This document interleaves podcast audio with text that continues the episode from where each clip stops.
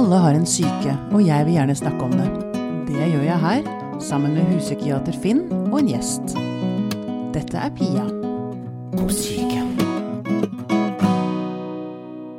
Du, Finn. Eh, jeg har et, funnet et sitat som jeg synes var veldig Som jeg ikke har hørt før. Eh, Arne Klyve, pedagog. Ja, ja som sa hvorfor setter vi så mange diagnoser på folk og ikke på samtiden? Ja, da treffer du i hvert fall eh, undertegnede vel hjemme. Ikke sant? Samtidsdiagnostikk er på mange måter et undervurdert tema, tenker jeg. Samtidig så er det jo veldig åpent for forskjellige både teoretiske perspektiver og synsinger hva slags samtidsdiagnoser vi gjør. Men jeg tror det er en ganske viktig geskjeft. Ja, Men hvis du sånn Eller har man satt en diagnose på i dag? Ja, det er det mange som har gjort. Vi har ja. bl.a. Eh, en person med oss i studio i dag som eh, refererer til en rik idéhistorie av hvordan vi setter navn på moderniteten og senmoderniteten. Og mye av det handler jo om at vi lager urolige samfunn som kanskje lager urolige mennesker. Ja, Det er veldig kult. Nå skal vi ikke snakke om min diagnose og diagnoser av mennesker av samfunnet. Det er, det er gull, ass. Velkommen hit, Ole Jakob Madsen. Sitatet fant jeg i din bok. Takk for det. Um, generasjon prestasjon. Ja. ja. Først, hvorfor skrev du boken? Um, nei, det var vel uh, bakgrunn i at jeg registrerte at det var stadig nye um, medieoppslag, slags uh, kollektive bekymringsmeldinger på vegne av, av, de unge. De unges mentale psykiske helse. Og det ble stadig oftere også omtalt som uh, gåten som ingen av forskerne egentlig kan uh, svare på. Hvorfor vi, vi, lever i verdens beste, eller verdens nest beste land. Mm. Finland slo oss visstnok på den siste okay. kåringen eller noe sånt. Uh, og samtidig som vi ser ut til å i hvert fall de unge rapporterer om flere psykiske helseplager, kanskje særlig for jenter. Altså det var liksom noen sånne interessante motsetninger eller, mm. eller paradokser der da, som jeg syns var verdt å se nærmere på. Ja. Um, ja, Pluss at det forente kanskje noen sånne interesser jeg har hatt lenge, da, nemlig eh, sånn, Jeg har vært opptatt av moderniteten, eller senmoderniteten, og liksom premisset for å, å, å, være et menneske og skape en identitet når, når Gud er død, og man er på en måte eh, frisatt til å kunne forfølge um, ambisjonene og evnene sine til å kunne realisere seg selv osv. Så, videre. så jeg har hele tiden vært opptatt av på en måte de samfunnsmessige premissene da, for ja. å leve et, et, godt, mer eller mindre godt liv. Eller, ja. Godt liv. Og vi skal selvfølgelig gå dypere inn i dette, men det var én ting jeg glemte. Jeg fikk prestasjonsangst her, tror jeg. du er eh, filosof. Du er, du er, du er tilgitt. Ja. ja. tusen takk. Du er filosof og psykolog. Eh, og så er tittelen din professor ved Psykologisk institutt på Universitetet i Oslo. Nettopp. Nettopp, Bare så vi har deg liksom plassert ordentlig. Ja. ja. Ok. Um, men altså, jeg lurer på uh, Du skriver at det er kanskje medieskapt, dette presset som de unge føler. At, altså, at de kanskje ikke har det så ille. Er det Jeg ville eller, jeg ville protestere litt, da, eller reformulere litt. Jeg ville si at um, Nei, jeg vil ikke si at det er medieskapt. Det tror jeg ikke jeg ville si. Det tenker jeg blir for, for sterkt eller for konstruktivistisk, eller hva du vil. Men jeg vil si at um, psykiske lidelser, da, eller psykiske blir, gjennomgår det medieforskere kaller for en form for medialisering. Altså det mediavridde samfunnet, kalte Gudmund Hernes en gang på slutten av 70-tallet. Det, mm. det betyr helt enkelt at skal jeg si men, den totale meningsproduksjonen, da, eh, de tingene vi er opptatt av, det filtreres i økende grad gjennom medier som kan ha sin egen logikk. Altså at de fokuserer på, på en måte det sensasjonelle, mm. det, det, negative. Mm. Um, de har kort hukommelse, holdt jeg på å si, så det, på en måte, ting har en viss holdbarhetsdato, så går man videre til noe nytt, osv. Så videre, sånn at mm.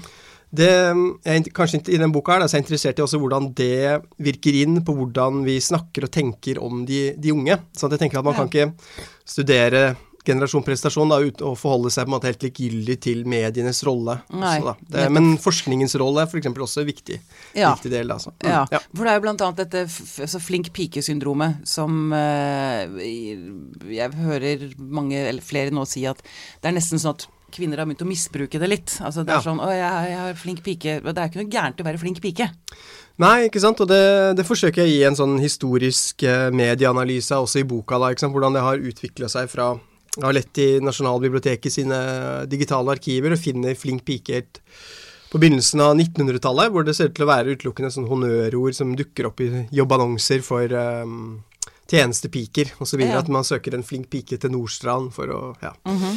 gjøre det. Og det, um, et sånt honnørord ser det ut til å være helt fram til kanskje sånn 1970-tallet eller noe sånt. 1980-tallet, hvor det kan kanskje tenke seg at det får mer innslag av, av feminismen og sånne ting. Og mm, for flink, flink gutt-syndromet har vi ikke hørt om, egentlig. Nei, det finnes, eller, det finnes noen veldig få treff, og de handler om at det ikke finnes noe flink gutt-syndrom. Det har jeg faktisk sett på, så det er jo litt, litt, morsomt. Men flink gutt finnes veldig, veldig mye av. Faktisk mer enn flink pike.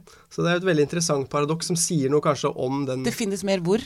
Altså i, um, i Atex, da, som er en sånn database over norske ah. medier, så flink gutt er veldig vanlig å komme over, men ikke flink gutt-syndromet, Så kan du spørre Nei, hvorfor akkurat. ser det ut til å bare bli et problem for, um, for jentene, da. Eller for, mm. ikke sant? Og det er jo mm. Det tror jeg handler om at um, vi etter tross flere tiår med likestilling og økt si, rettigheter for kvinner, da, at vi fortsatt kanskje har et litt sånn ambivalent forhold til kvinners flinkhet. At det blir oppfatta som litt sånn truende eller problematisk da, for tradisjonelle kvinneroller. ikke sant? Og, mm. og etter hvert også internalisert, særlig hos yngre og yngre jenter, sånn at man tenker på det som noe farlig, stressfremkallende, på en måte, mm. og, og, og, et problem, da, som jeg syns er litt synd. For jeg tenker først og fremst er det jo en ressurs. Men ja, selvfølgelig, det kan jo også bli et problem for noen. Men ja. det burde i hvert fall ikke være hovedinngangen, da. Så, Nei. Altså, mm, Nei. Ja. Men um, jeg, jeg holdt på å si Jeg, jeg, jeg ser jo poenget, men jeg sliter litt med Altså, det er jo ikke tvil om at det er veldig mange unge som sliter veldig i dag.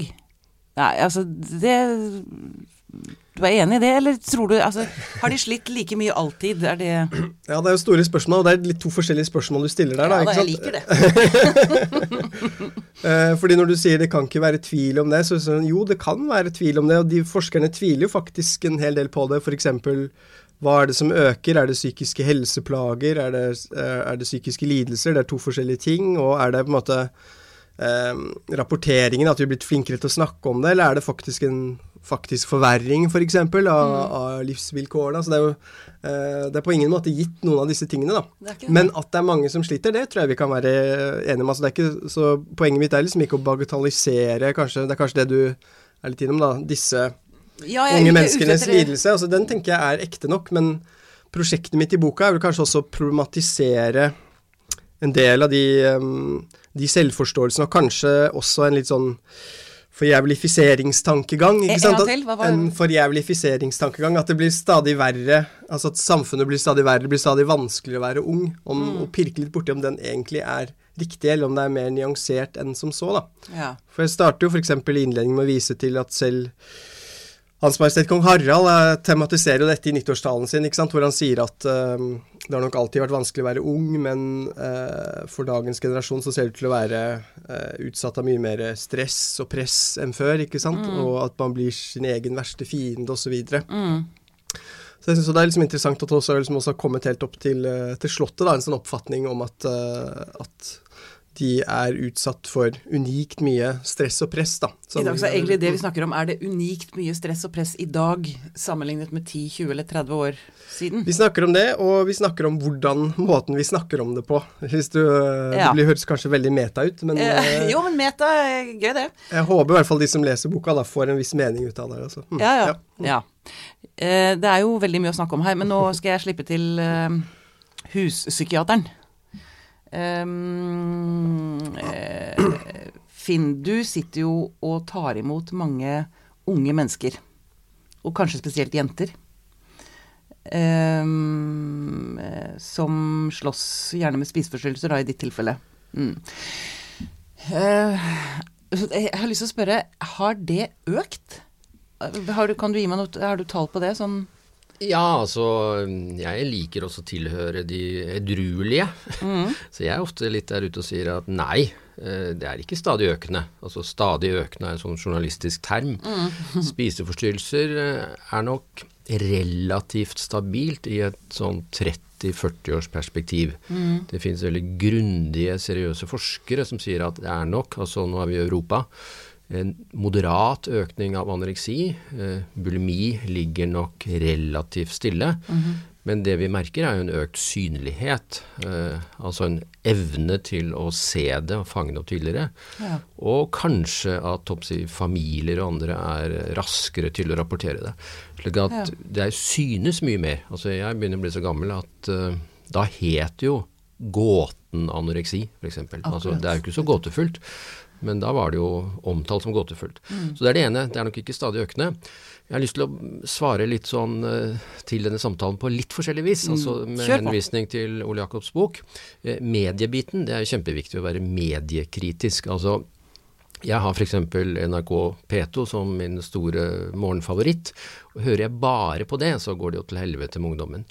Eh, Akkurat. Og det er en slags journalist tradisjon, da, som vi kan kalle alarmistisk. Mm. Altså alarm, alarm. Mm. Eh, sånn som man har vært bekymret de 3000 siste årene for at det går til helvete med ungdommen. Ja, og Alarm Alarm selger aviser. bare for å... Ja, og klart at det. Uh, i det så ligger det et dilemma som Ole Jakob tar opp, mm. nemlig det at da etableres det et språk som man også kan begynne å forstå seg selv i. Mm. Altså unge jenter er deprimerte, ja vel, så er jeg deprimert, da. Altså ja. det blir et språk man tolker seg selv i. Og mye av dette mediespråket det savner jo f.eks. For fortellingen om at svært mye av dette går over. Faktisk noe av seg sjøl, og at det finnes mange håpefulle fortellinger om hjelp og behandling osv. Så, videre. så liksom, mm. den mediekritikken er jeg veldig opptatt av, og dette er et veldig flott bidrag. Så er det det du egentlig spør meg om. Hvordan er det å sitte som terapeut og ta imot disse unge menneskene? Og da pleier jeg å si at mitt syn på verden, det er ganske skjevt. For jeg tilbringer jo veldig mye tid på kontoret mitt mm. og ser stort sett det som ikke virker. Jeg ser veldig lite av det som virker. Altså, ja, jeg fornærmet en av mine pasienter her en dag og sa at jeg har knapt omgang med vettue-folk, sa jeg. eh, det skulle jeg ikke ha sagt. Eh, og dermed så sier jeg at mitt bilde på verden er ikke representativt, men jeg mener det er relevant. Og da vil jeg si at jeg opplever andre utfordringer i dag enn f.eks. for, for 30 år siden. Aha. Fordi at Beklager at jeg brukte lang tid til å komme hit, veldig... men veldig mye av det jeg møter med, det er folk som faller ut i utkanten. Mm. Altså de som alltid har falt ut. Mm. Men jeg sitter jo også og jobber med en del av de som klapper sammen midt i normaliteten. Altså f.eks. toppkarakterer og ja, dødelig syk. Mm. Eh, så vi må også se at man kan oppsi, klappe sammen i alle segmenter av samfunnet. Mm. Eh, de som alltid har falt ut, men så er det kanskje en del nye som faller ut. Og da er det temaer som prestasjon, stress, de er jo relevante for meg når folk faktisk uh, har det også som dødelige tilstander. Og det er nok ting i bevegelse. Ole Jakob og jeg, nå er jeg litt eldre enn Ole Jakob, kommer fra en generasjon hvor vi protesterte, vi drev med samfunnskritikk. Mm den har for mange dager dag sluknet, isteden så driver de med selvkritikk. Ja, ikke sant. Det altså, vendes innover. Ja, og vi... dette er nok ikke bare journalistiske fenomener. Dette er nok ja. dreininger også i en ungdomskultur. Altså apropos samtidsdiagnostikk. Mm. Altså mennesket er nok i en slags bevegelse, og det beveger seg sikkert i forskjellige retninger. Mm. Men vi ser jo, oppsi, her i huset, da, mye av dette med ungdom som virkelig går løs på seg selv og definerer at de er stygge, og at de er feite, og at de er dumme, og at mm. de er mm. veldig opptatt av at de skammer seg. Ja, ikke sant. Ja, jeg, jeg kom på ti spørsmål jeg hadde lyst til å stille der, men jeg har lyst til å gi ordet tilbake til deg, Ole Jakob, først. Hva tenker du når du hører Finn?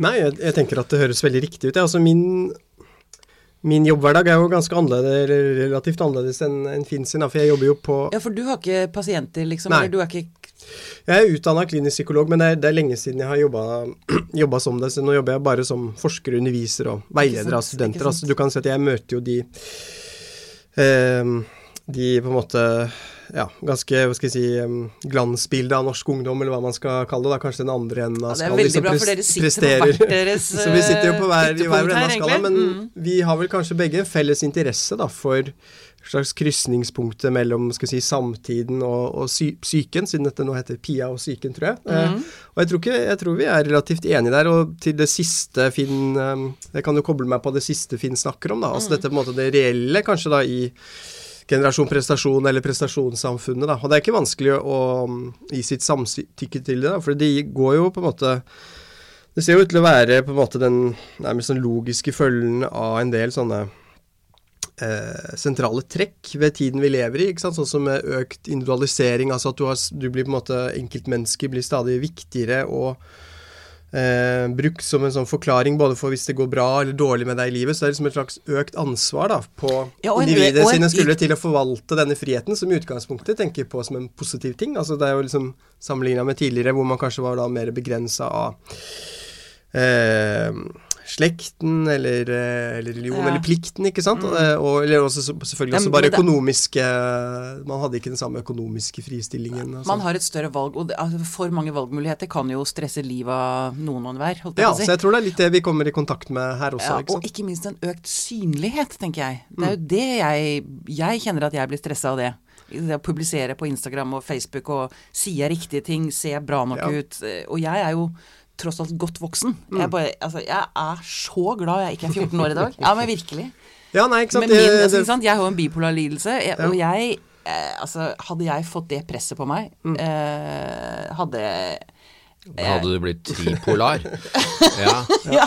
Kvadruppelprolar. Ja. Nei, du er nok inne på noe sentralt, ikke sant. Og flere snakker om liksom, liksom fremveksten av det de kaller for det, nesten det, det, digitale selve. ikke sant. Dette mm. med selvpresentasjon og, og ikke sant, blir stadig mer viktigere. Mm. Og på en måte anerkjennelse kommer i form av likes, eller hvor mange venner du har på forskjellige nettverk. Sånn dette blir jo kanskje også Det blir til og med um, eh, tellbart, ikke sant. Og mm. veldig, kan jo fort bli veldig liksom Jeg også har tenkt på det noen ganger. Hva hvis jeg var liksom 15 år i dag? Hvordan ville jeg liksom oppleve dette? Og på sett vis er jeg kanskje glad for at jeg vokste opp på den tiden jeg gjør, men samtidig så er det vel også Jeg skriver jo en del om sosiale medier i den boka her også. Jeg vet ikke om vi skal komme til det, men det er jo ikke jeg heller. Nei, altså det er jo Jeg tenker at det, på den siden så er det viktig å være være kritisk. Samtidig så er det noen ganger kanskje også litt lett for å bruke sosiale medier som en sånn ensidig syndebukk, da, ikke sant, for alt mm. som er Det er veldig lett å på en måte mm. si at det, det er blitt så fælt, og det er liksom så, så ille. Unge i dag sitter bare foran skjermene og slutta å snakke med hverandre, eller ha mm. Men det er, mye lettere, å, det er, mye lettere, å sammenligne seg i dag enn det var for ti år siden. Ja, det, det Finn snakker jo en del om det han kaller for sammenligningens psykologi og sånne mm. ting. ikke sant? Og der finnes det også til og med flere kjente studier, ikke sant. at det er noe grunnleggende eh, forrædersk med sånn som Facebook, f.eks. For eksempel, fordi det er veldig en sånn iboende logikk er at du legger ut når det skjer noe spennende med deg, eller noe gøy. Mm. ikke sant? Og det skaper et inntrykk da at alle andre lever mer innholdsrike liv enn det, det, jeg gjør. ikke sant? Og kanskje har man en dårlig dag da og sitter liksom og blar seg gjennom da alle andre sine oppdateringer, så er jo kanskje ikke det eh, det, det beste, beste, medisin, da, for å si det sånn. Det skaper fort inntrykk av at man lever måte et innholdsløst liv selv. Mm. Og, så, så, klart, det er jo, det er jo bevisst, eh, bevisst, det. Men samtidig så er det også da at eh, en ikke overdreven bruk da, av, av, sosiale medier ser jo ut til å være forenlig med på en måte livskvalitet, og det er også en del bra ting med det. ikke sant? Man kan mm. holde sosial kontakt med andre, man kan altså det Ja, ja men jeg, jeg, hør, jeg, hørte Nå klarer jeg ikke å huske hvor og når det kom opp, men at man, man har faktisk en dipp i selvfølelsen i ungdomsårene, stemmer det?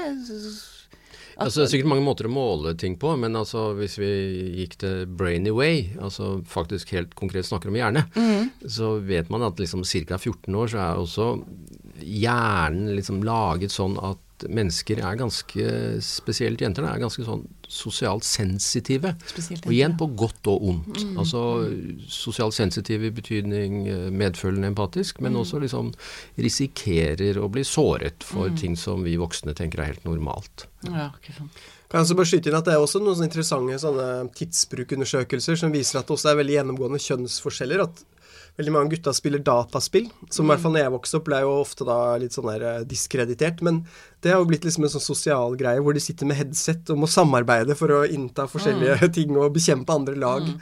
Så kanskje er det liksom på en måte tross alt sunnere enn å sitte liksom og sammenligne seg selv på en del sånne ja, farkeredigerte filter alene, ja. på en måte. Det, så, ja. Hvis vi sammenligner det, da Nå vet jeg ikke om jeg klarer å dra denne, dette resonnementet i mål, men i mål. Eh, gutta spilte fotball før, mens jentene sminket seg og prøvde klær hjemme foran speilet med venninner, liksom.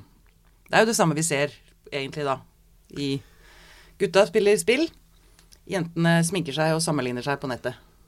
Jeg får håpe de gjør noe litt, litt annet òg enn bare, bare vi, må, altså, vi må sette på spissen for å liksom komme noen vei.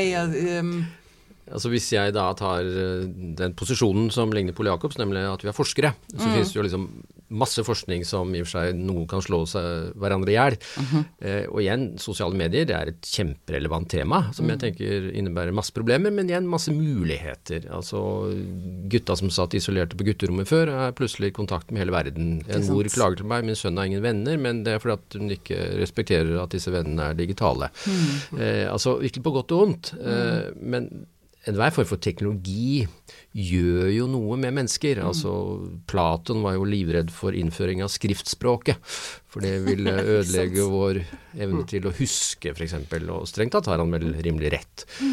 Kanskje noe av disse mediene gjør, da, de nye, det er jo liksom forrykke litt om relasjoner. Altså hva er nærhet, hva er avstand? Mm. Vi tror at vi er nære, men er den nærheten egentlig nær? Osv. Så, videre. mm. så det blir jo jeg, viktig å følge med. Det som kanskje er viktig, er at det som er bra for noen, er dårlig for andre. Mm. Altså, vi ser økte forskjeller. Altså, kompetent ungdom eh, utnytter sosiale medier til det bedre. Mange av de som er strever, de får det dårligere med sosiale medier. Altså, vi ser at forskjellen øker. Sånn var det med innføring av mm. skrekkfilm. sånn var det med, altså, Vi forsterker en del ulikheter. Mm.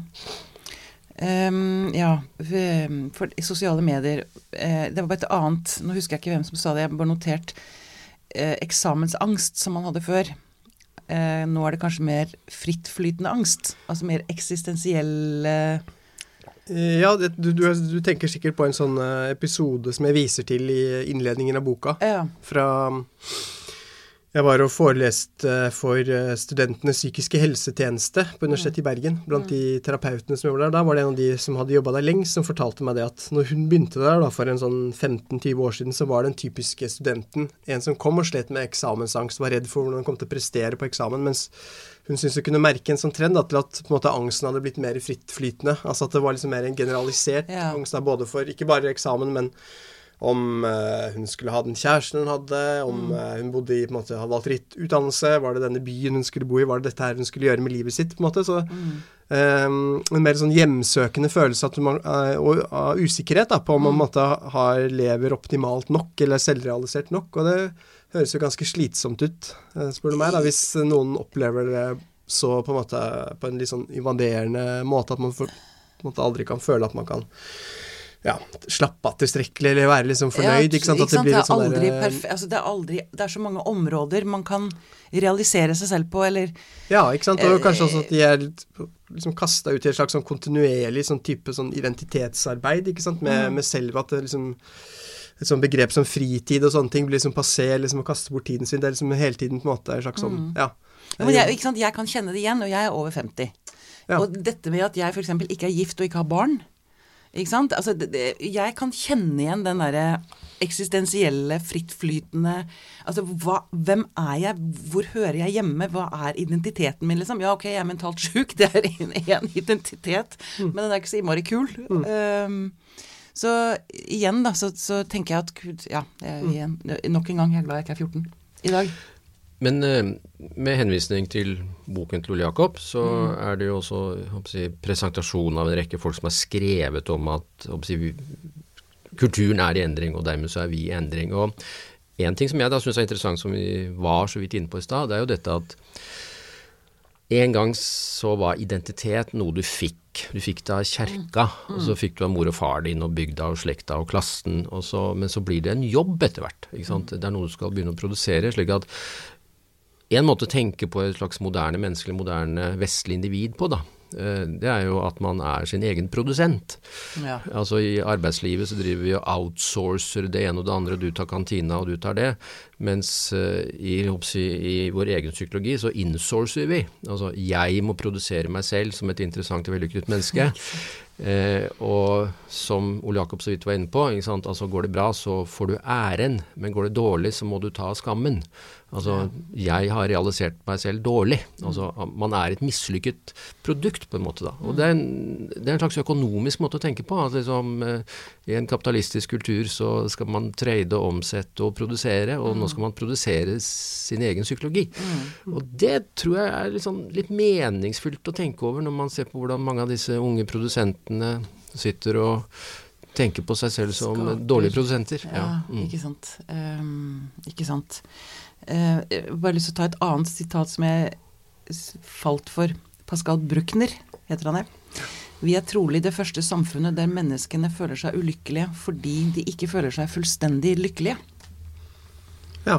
Det syns jeg også er helt fantastisk. Ja, det, er godt, det, er veldig bra. Jeg syns det er godt, godt, sagt. Det er jo ganske mm. sånn treffende. Så mm. Både på unge og voksne, så mm. klart. Og det, vel, det, kommer vel i forlengelse av en sånn tankerekke, da, at vi liksom har avskaffa arvesynden og fått liksom opplysningsprosjekter hvor man liksom sånn tanka om at lykken skal bli demokratisert, ikke sant? og liksom på en måte bli en form for sekulær frelse da, ikke sant? som lar seg utløse her og nå i dette livet. Mm.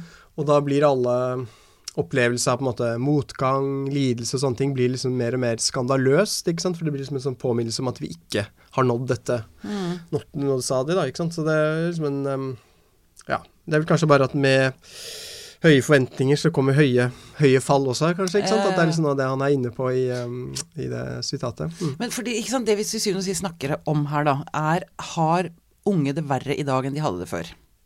Er det, er det fare på ferde, liksom? Må vi Altså, er det noe gærent med samfunnet vårt? Eh, må vi sette på noen bremser? Må vi Hvordan løser vi dette? Fordi selvmordstallene eh, Jeg så det i sted.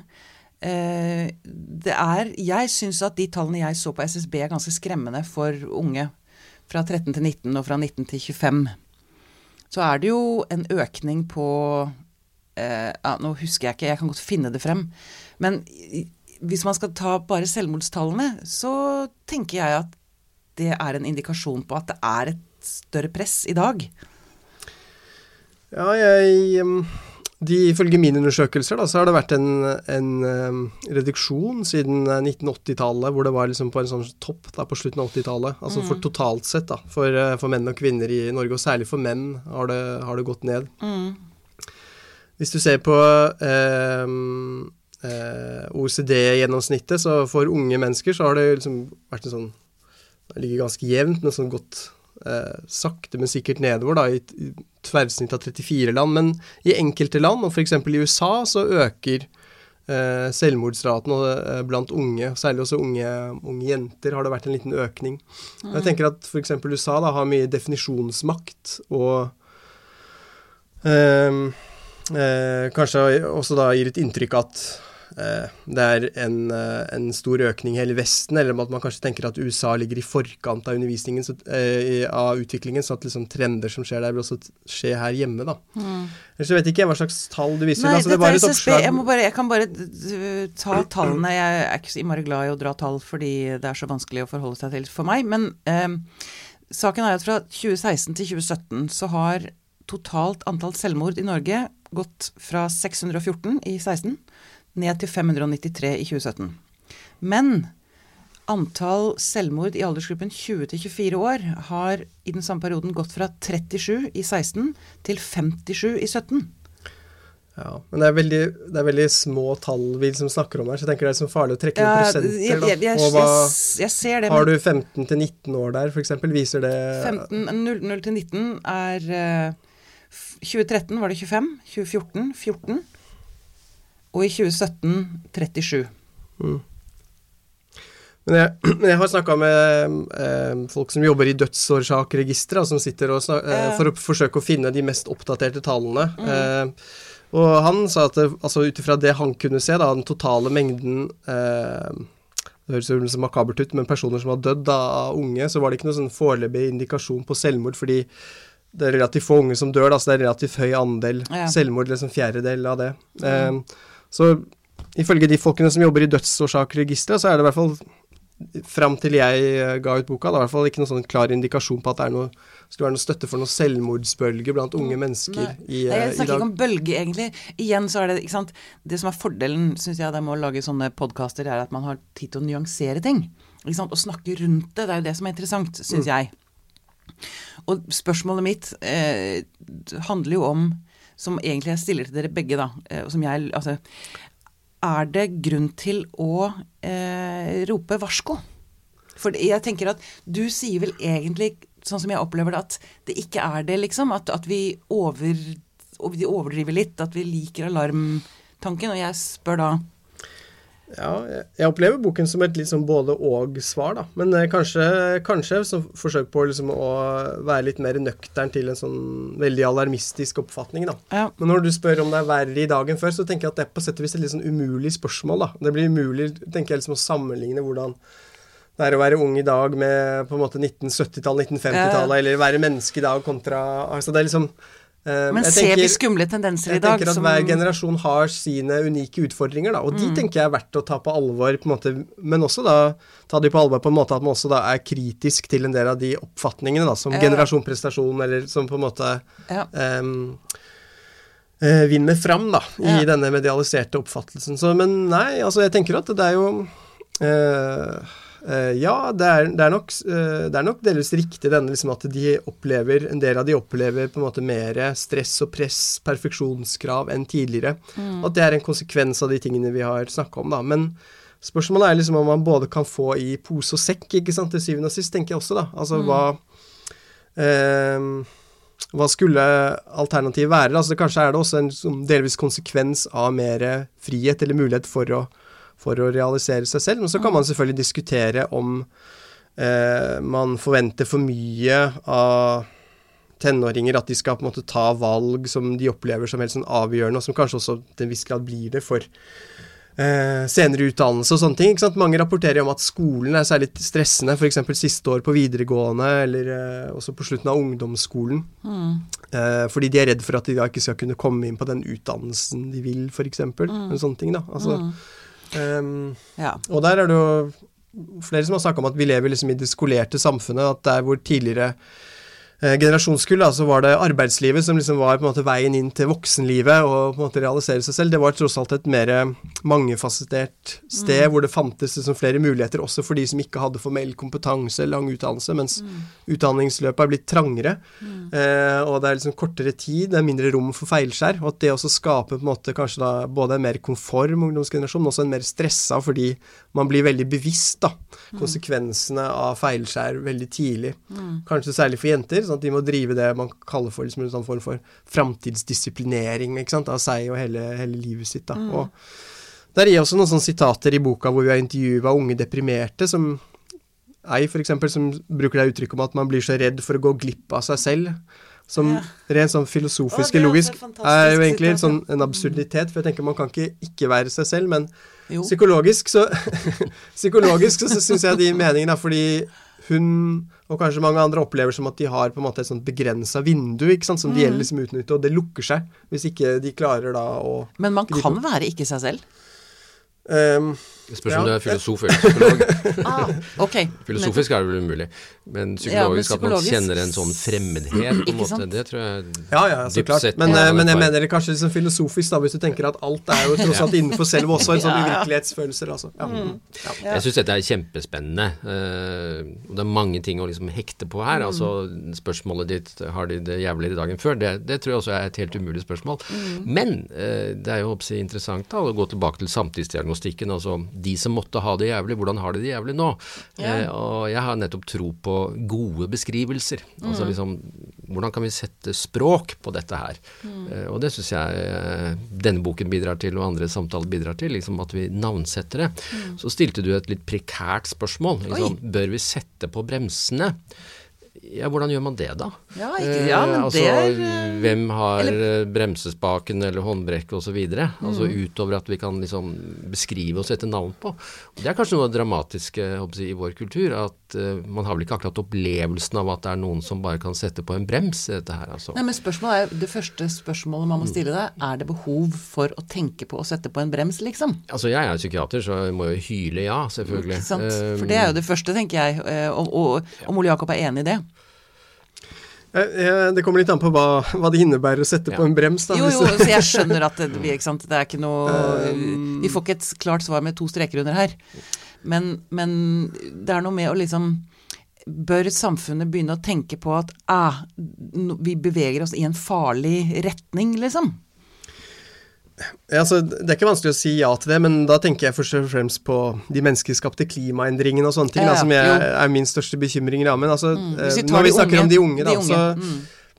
Tja, jeg, altså, det kan være med på å på en måte problematisere, er vel kanskje noen av de virkemidlene som gis til. Altså jeg, jeg kommenterer f.eks. det her initiativet. Ikke sant? Mange vil ofte da si at ja, men dette må skolen bidra til å løse, f.eks. Mm. Så det er jo en sånn et nærliggende svar, hvor det ser ut til å være en sånn tverrpolitisk enighet nå om at folkehelse og livsmestring ikke sant, skal inn som et sånn tverrgående emne i, som en del av Kunnskapsløftet fra mm. høsten 2020. og der. Eh, vi vet jo ennå ikke helt hvordan det blir seende ut, da, men der tenker jeg det er noen en viktige diskusjoner å ha da, om på en måte løsningen, da, hvis mange opplever et stort grad av stress og press som oppleves som subjektivt ubehag i ungdomsskolen, om da løsningen er å lære de på en måte stress, livsmestring, mindfulness, på en måte, eller om det ville være en mer radikal og kanskje bedre løsning, og også se på noe av det som skaper stress og presset, f.eks. Mm. totale mengden av tester, eller uh, det å skulle prestere, på en måte, uh, i, uh, eller den valgfriheten da, med fritt skolevalg, f.eks., sånne ting. da, mm. så, så igjen, det, det, går inn til at hele tiden de ja, hvor legger vi liksom Hvor legger vi ansvaret da når vi skal snakke om om løsninger på det her, f.eks., tenker ja. jeg er et viktig spørsmål. Ja, det er jeg helt enig i. ja, og dette er kjempespennende. Dette har Ole Jakob og jeg snakket sammen om før, og jeg tror mm. vi har en tendens å ende omtrent på det samme. Mm. Eh, jeg skal ikke tillegge deg nødvendigvis, men altså La oss si livsmestring er fag. Det tror jeg kan være bra, og det tror jeg kan være dårlig. Helt mm. avhengig av hvordan det blir både tenkt og gjort. Hvis det blir en litt sånn billig versjon av en individualistisk psykologi. At liksom her har du røde tanker, og her har du grønne tanker, og du bør kvitte deg med rød. Så tror jeg fort at løsningen er en del av problemet. Ja. Altså en slags uh, ytterligere individualisering, at vi psykologiserer temaer som kanskje er samfunnsmessige, som handler om økonomi og makt, f.eks. Mm. mm. Men hvis det kanskje handler litt om å fremme sosiale kompetanser, jobbe med å bry seg om de andre, være interessert i klima, være interessert i verden, så er det kanskje mer interessant. Jeg tror det fort ender opp med læreren, altså ja. læreren og hvem som gjør det osv. Mm. Eh, det er kjempeinteressant, for på ett nivå så kan man tenke skal man liksom ta dette ut av familien inn i skolen. Ja, kanskje er det ålreit. Før så hadde man katekisme, kanskje vi skal lage noen sånn moderne katekismer. Mm. På en annen side nettopp det at hører ikke dette til hjemme, egentlig, osv. Altså igjen, nå sitter vi tre mennesker her og på en måte nyter kompleksitet. Altså Det er kjempekomplekst, men mm. vi må også lære oss å elske kompleksitet. Mm. Veldig mye av de problemene vi snakker om, handler om at folk prøver å stikke av fra kompleksitet. Kvikke løsninger, ja. enkle løsninger, mm. ja, nei, svart-hvitt, mm. rødt og grønt. Ja. Mm. ja. Ole Jakob? Livsmestring som fag i skolen, det, det, har vi jo snakket om i litt ja, nei, ja, jeg vel, Det er vel um, ja, Det er kanskje kjedelig, men jeg er vel også ganske enig med Finn her. at mm. Det er på en måte, det avgjørende er jo hvordan det blir seende ut. da, ikke sant? Og jeg er også der på at jeg, jeg tror det, det trenger sikkert ikke å bli så ille. Eh, men jeg ser også en del sånn risiko da, for at det, det blir det, og at det da kanskje bare blir ytterligere en ting da, som på en måte generasjon prestasjon skal mestre. altså mm. Nemlig det å da regulere sine egne følelser, eller uh, sin egen mer ansvarliggjøring for egen læring også. Dette med selvregulering f.eks. er jo veldig mye inne i Ludvigsen-utvalget sin, uh, sin, NOU om fremtidens skole, som er av de liksom viktigste støttedokumentene da, for dette initiativet. sånn at det, det er jo en del liksom varsko, varsko ting her. Og så kan du også si sånn ja, livet eh, En gang het det at livet skal leves, nå skal det være liksom livet skal, skal mestres også. Det er jo liksom interessant i seg selv liksom at det har blitt et sånt uh, ting som alle kan, uh, kan samles, samles, rundt. Da Da blir alltid jeg litt sånn, uh, litt sånn skeptisk. Også i denne boka her så er jeg også opptatt av måte de som ikke svarer da, til denne beskrivelsen generasjon prestasjon. Det man kanskje kan kalle med et litt sånn nedlatende ord generasjon stagnasjon, selv om det høres Generasjonsstagnasjon, ja. Ja, det høres kanskje litt sånn nedlatende ut, da, men for å forenkle litt, altså på en måte de som ikke er spesielt skoleflinke, ikke veldig ambisiøse på egne vegne, som sliter mer med sånn tradisjonelle kjennetegn som ja.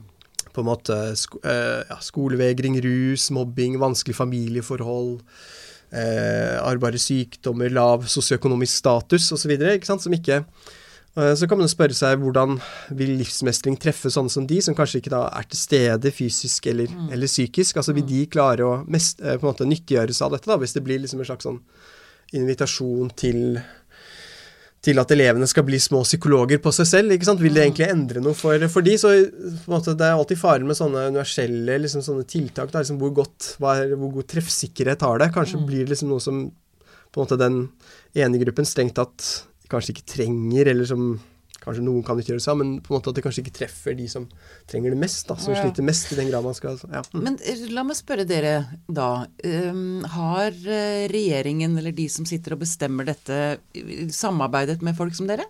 Når de, har laget dette, når de skal lage dette faget. Burde det Jeg bare kom til å tenkte på at det, Nå ble det jo nettopp lagt frem en klimarapport. Et utvalg som har virkelig gått inn i problematikken klima. Hva, ja. Finnes det noe sånt nå på dette?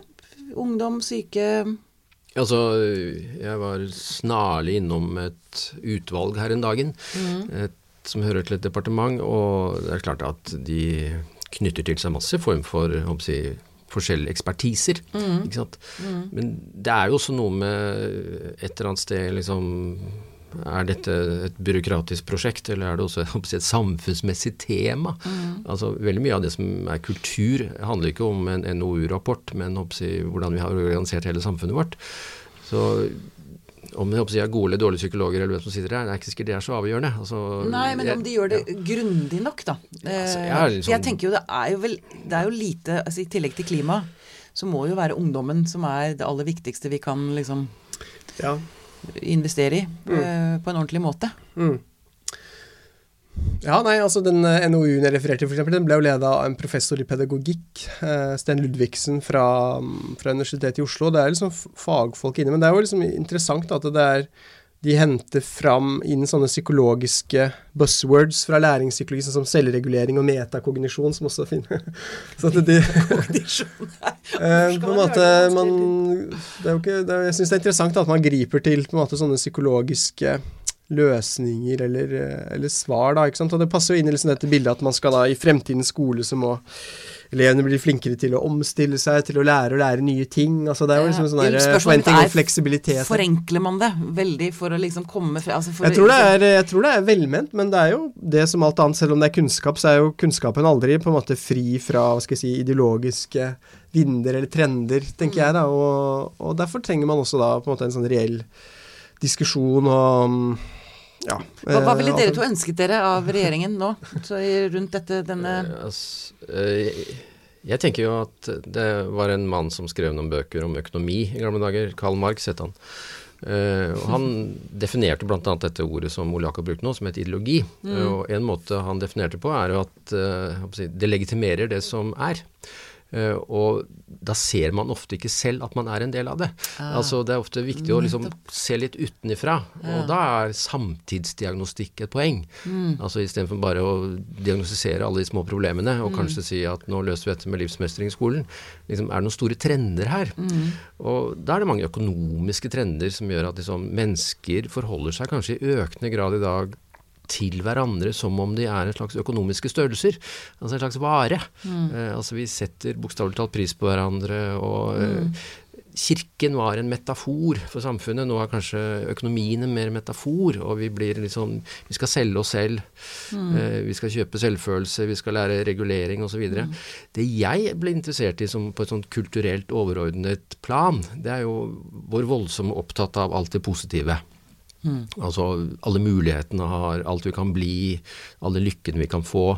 Eh, undergraver vi håper språket om at livet primært er ganske vondt og vanskelig. Mm, mm. Altså, fordi at Hvis vi ikke har et godt språk om alt som er vanskelig, så er det jo ikke så lett å lære å stå i det vanskelige. Og jeg tror mm. mange unge mennesker i dag de savner jo kompetanser på å tåle at ting er vanskelig. Ja. Og lære at det går faktisk over. Ja, for mange så går noe over. For mange så går ja. mye mer over enn det man tror mm. når man er 14 år. Mm. Ikke sant. Hvis jeg bare skulle også gi et sånn kort svar til det, hva dere ønsker dere av, mm. av regjeringen, eller i forhold til det her vi har snakka om, da, så hvis psykologi skal inn i skolen, da, som det ser ut som skal i større så kunne jeg kanskje også tenke meg mer at man styrket lærerens kompetanse. Ja. På, på, en måte Forståelse for å forstå elevene. og Fremfor liksom å ensidig skulle styrke elevenes kompetanse. da, Sånn at det liksom i større grad var å se eleven fremfor at elevene skal se seg selv, på en måte. da, ikke sant, ja. At det også var noe, mm. noe, der, at det kunne være det er, det er fint å ha viktig, bra voksne som faktisk evner å se. Jeg tror ja. at vi bruker ordet psykologi, psykisk lidelse, psykisk plage ofte litt feil eller upresist. For at veldig ofte, særlig når det gjelder unge mennesker, så er det sosiale problemer de har. Altså hvordan blir jeg likt, liker de meg? Altså mm. det handler veldig mye om forhold mellom folk. Mm. Eh, mens vi kaller det psykisk. Eh, men det er ofte deg og meg og de tre andre det handler om. Ikke sant. Og Sosiale relasjoner. Jeg hadde vært interessert i håper, det sosiale vel så mye som det psykiske, tenker jeg. Ja. Hm. Veldig bra. Um, eh, kan ikke vi fortsette noen timer til? Da? Jo, veldig. jeg ser nå er vi på snart tre kvarter. Har vi snakka. Um, eh, jeg bare jeg, Nå sitter jeg og leter etter Jeg noterte et sitat av Nietzsche. Eh, på, men jeg har ikke fått det over på det jeg skrev på dataen. Hvilket sitat er det jeg tenker på? Ole Jakob, fortell meg. Ja, Det er ikke det mest åpenbare at Gud, Gud, er død, holdt jeg på å si. Eller nei. at Gud finnes fremdeles i grammatikken, eller. Nei. Nei. Mm. Han var jo veldig sitatvennlig. Nei, siste det var det, nei, akkurat det var det. Ja. Det var egentlig lediggang er begynnelsen til all psykologi. Ja. Mm. Men det er jo egentlig det motsatte problemet vi har da, nå, faktisk. Blir ikke det? At nei, lediggang er begynnelsen til all psykologi. Ja. Og det er jo ikke lediggang som er problemet med denne generasjonen, for å si det mildt. Du tenker at de er sysselsatte med, med seg selv? Eller, altså, så sysselsatt ja. at de går helt i Ja, nei, men det han vel tenker på, er vel kanskje at det også er Ja, at det på sett og vis også er et velstandsfelle, en sånn uunngåelig konsekvens da, mm. av velstand, eller på en måte mer, eh, mer frihet, mer overskudd til å, til å, kjenne etter, på sett og mm. vis. da. Mm. Uh, så Sånn så, så, tenker jeg jo kanskje at det han advarer mot, at det er i den grad det er noe Vi kan snakke om at det er noen krise eller noe sånt med de unge, men at det er liksom en varslet mm. krise. At det på en måte har Ja. At det er en uunngåelig kanskje pris da, av det moderne mennesket, på en måte, som sånn ja, lever med seg selv på en måte, på en annen måte enn mm. uh, en fortidsmenneske. Altså, ja. Mm. ja. Det, ja. Bare knytte litt til det vi starta med, mm. hvorvidt det var gåtefullt dette vi strever med. Nei, det er vel ikke gåtefullt. Ole Jakob brukte ordet så paradoks. Det er noe helt annet. Altså at uh, velferdsstaten er veldig god på velferd. Men for en del unge som vokser opp i dag, så er det ikke gitt at velferdsstaten vår er veldig god på mening og sammenheng. Og det syns jeg nå er det smertefulle når jeg sitter med 17 år gamle gutter og 19 år gamle jenter og de lurer på vitsen ved det hele. Det syns jeg, jeg si, Om det er bedre eller verre enn før. Jeg leste akkurat uh, en selvbiografisk skrift av Tolstoy hvor han lurte på vitsen med det hele. Så det er vel ikke noe nytt. Men altså, akkurat det syns jeg er smertefullt å sitte og se at de er ikke sikre på om dette er noe vits å være med på. Det eh, er veldig vondt. Uh, ja. Um og jeg vet ikke hvordan jeg skal avrunde nå, kjenner jeg. du kan gi det til gjesten vår. ja, vær så god. Du skal, du skal, få lov til å komme med de siste bevingede ord, Ole Jakob Madsen.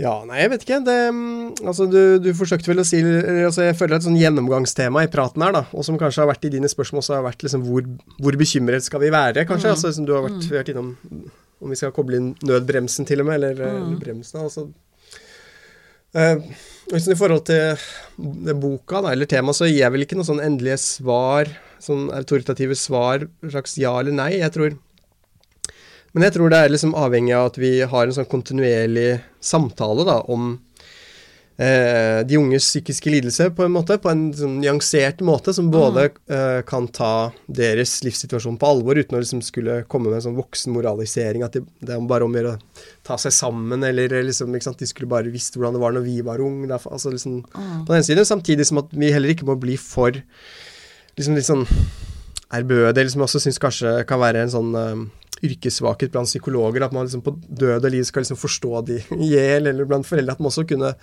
møte en del av de beskrivelsene, sånn som generasjon prestasjon eller flink mm. pikserom med et liksom kritisk blikk, og sette det liksom i et perspektiv, på en måte, uh, og mm. tenke på ting som um, ja, klasse, f.eks. Sosial klasse. Mm. at det også spiller, spiller, inn her. At det er ikke hvem sitt, tilfeldig hvem sitt verdensbilde eller som på en måte dominerer i, i mediene eller den offentlige mm.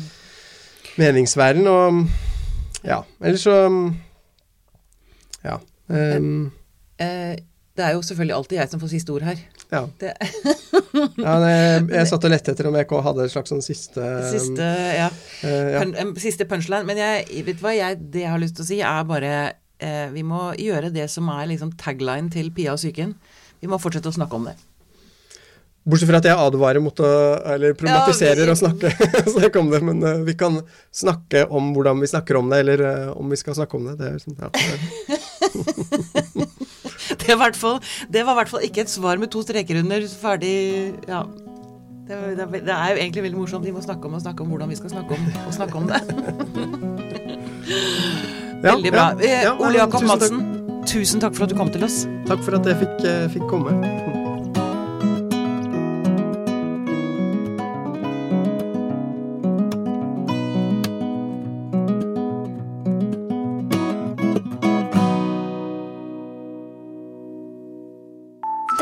Podkasten er produsert av Tid og Lyst. Med støtte fra Ekkos legat.